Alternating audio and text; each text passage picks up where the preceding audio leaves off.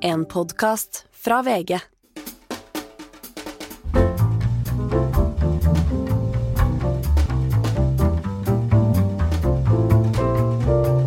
Hei, her får du en smakebit av min samtale med Beate Gangås, eh, sjefen i PST.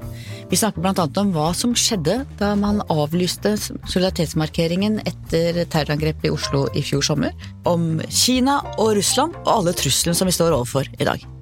Vi har snakket om angrepet da, selve 25. juni, natt til 25. juni, og det som ledet opp til det, men vi må også snakke om 27. juni.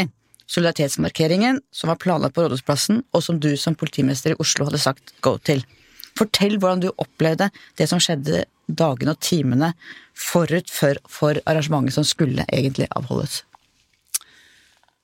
Det var jo veldig mye som skjedde eh, den helga. Eh, Jeg dro inn selv på lørdag morgen, og hadde tok så raskt jeg kunne kontakt med leder av Pride og byrådsleder, fordi at da var det en avlysning på lørdagen som også folk var litt irritert over. Selve hovedparaden, ikke sant? Som Det var hovedparaden den lørdag morgen, men samtidig en, en forståelse for at det var rett etter at det hadde skjedd et angrep. Det var mye uklarhet. Ehm, også, det er det jo alltid når det skjer et sånt angrep. Er det noe mer på gang? Er det flere? Er det bare én? Er det flere? Hva er motivet? Men allikevel så dro jeg jo bort til uh, rådhuset for å treffe både leder av Pride og, og byrådsleder, nettopp for å prøve å kommunisere sammen, og for å bidra også, sånn at ikke kommunikasjonsoppgaven skulle bli så krevende for leder av Pride, for det var krevende. Da ble det jo også markeringer, og vi hadde jo folk på, for vi hadde jo forberedt oss på den eh, markeringen som var da den eh, skulle foregå den lørdagen. På søndag morgen så ble jeg kontakta av leder for Pride, som sa at nå ønsker vi å ha en, eh, en markering på mandag. Så sa jeg at vi skal gjøre alt vi kan for å trygge det arrangementet. Så da satte vi i gang planlegginga, satte på innsatsleder og starta søndag morgen. Eh, På mandag morgen, og jeg kjente jo på det selv, jeg tenkte at det er en risiko. Det er alltid en risiko. Altså, Aldri garanti mot det- terror. ja, bare Altså, vi er Det er farlig å leve. Det er ikke slik at vi kan si at her er det ingen risiko. Det går ikke. Men vi skulle gjøre alt vi kunne for å sikre det. Og da tenker jeg at jeg sitter med restrisiko for hvis det skulle skje noe. Um, og så uh, beskrives det vel i rapporten ganske godt også at eh, det kom informasjon fra PST inn mot eh, politidirektøren og eh, og i regjeringen. Det skulle være et uh, møte i Sikkerhetsutvalget litt senere den dagen, så det ble innkalt til et telefonmøte hvor jeg ble invitert inn, og hvor de var opptatt av hvordan jeg så på dette, og jeg sa at vi har foretatt vurderinger. Uh, det er ikke lett, det heller. Altså, det er ikke noe fasit her heller. Men vi mente det var uh, forsvarlig at dette arrangementet skulle gå, og mente at det var sikrere å ha et eh, statisk arrangement eh, i samarbeid med en, eh, med en god fasilitator, som det vi så på som Pride var, en samarbeidspartner, enn å ha andre typer markeringer som vi ikke hadde oversikt over, som kunne skje på mange forskjellige steder, kanskje dynamisk. eh, Med spontane ting. spontane ting som ville kunne skje. Eh, Så det var vår tilnærming til det. Og så var det jo også da selvfølgelig oppmerksomhet rundt om vi hadde vært gode nok til å, til å forklare ut hvilken risiko det kunne innebære. Altså, som vi var inne på, vi kan aldri garantere. Altså, det kan vi sikkert eh, klare å få fram litt bedre, men vi skal gjøre alt vi kan for at dette blir trygt. Vi har satt på betydelige ressurser, og så videre. Så det var eh, det møtet, og så måtte jo de gå, for de skulle inn i utvalg, sikkerhetsutvalget. Der er ikke jeg til stede. Men der sitter det, det må jeg altså få si, der sitter jo også mye velmenende, kloke folk som da får eh, en, mer informasjon enn det jeg satt på, eh, slik jeg forsto det da.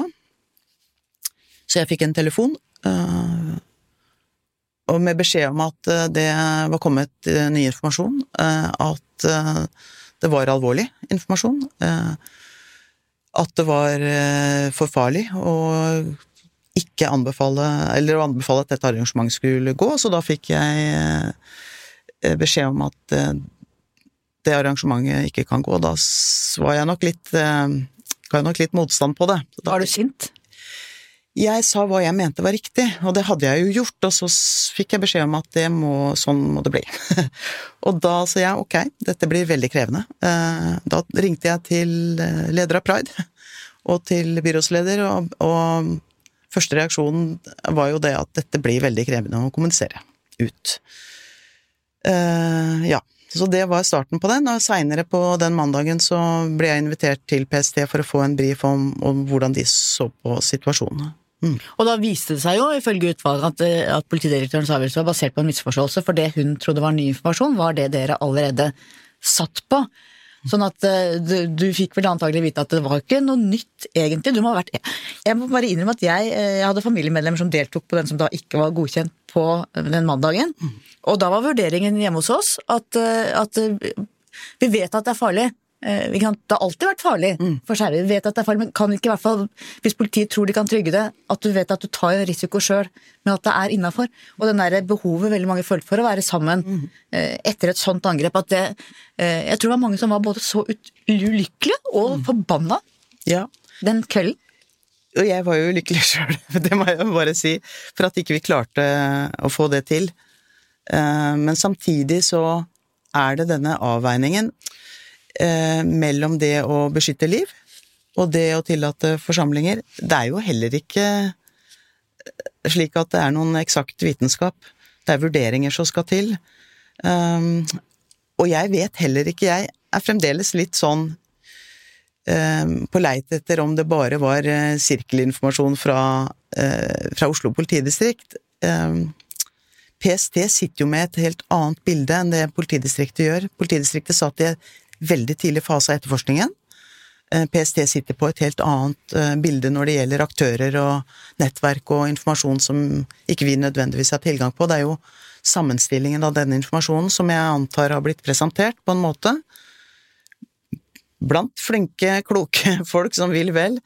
Eh, Så ja, jeg har ikke fasiten på all informasjon som ble delt der, og det er ingen andre enn de som var der, som har. Men at denne vurderingen eh, ble gjort etter beste mening og med, beste vilje, det er jeg i hvert fall overbevist om.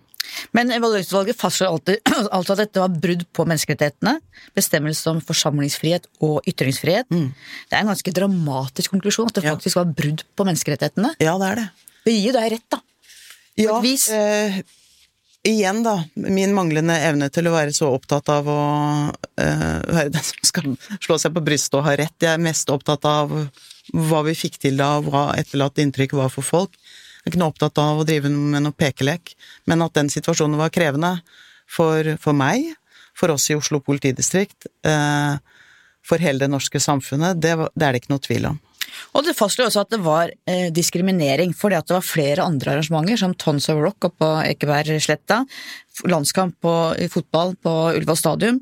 De ble avholdt altså selve kvelden 25. juni etter terrorangrepet, som jo også er statiske arrangementer. Og vi veit jo fra andre steder i verden at det har vært terrorangrep og forsøk både på sportsarrangementer og konserter i Paris, ikke sant. Det vet vi. Sånn at eh, terskelen bør være mye, mye høyere for å avlyse et politisk arrangement, som du kan si at denne solidaritetsmarkeringen var, og et med på en måte behov for samhold, markering, sorg, enn et sånt underholdningsarrangement, som en konsert eller en fotballkamp. Eh, Og jeg skrev ikke noe den gangen, jeg følte at det var på en måte for lettvint å gå ut og felle dommer da. da Så mye var uvisst, selv om jeg hadde veldig lyst, det må jeg innrømme. Men nå eh, foreligger rapporten og sier at det var diskriminering òg. Og du er jo det er jo sjelden man bringer inn folks eh, privatliv, men du er jo skeiv sjøl. Hva følte du når du leste den eh, konklusjonen at det også var diskriminering inni dette? Jeg har jo også tidligere bakgrunn som likestillings- og diskrimineringsombud. Altså, det, det, er mange, det er mange eh, ting inni mitt hode som, som reagerer på disse tingene. Men eh, jeg hadde et veldig ønske om at folk skulle få møtes, av mange grunner. Nå har du fått en smakebit av min samtale med PST-sjef Beate Gangås. Hele episoden kan du høre på Podmy eller VG+. God helg!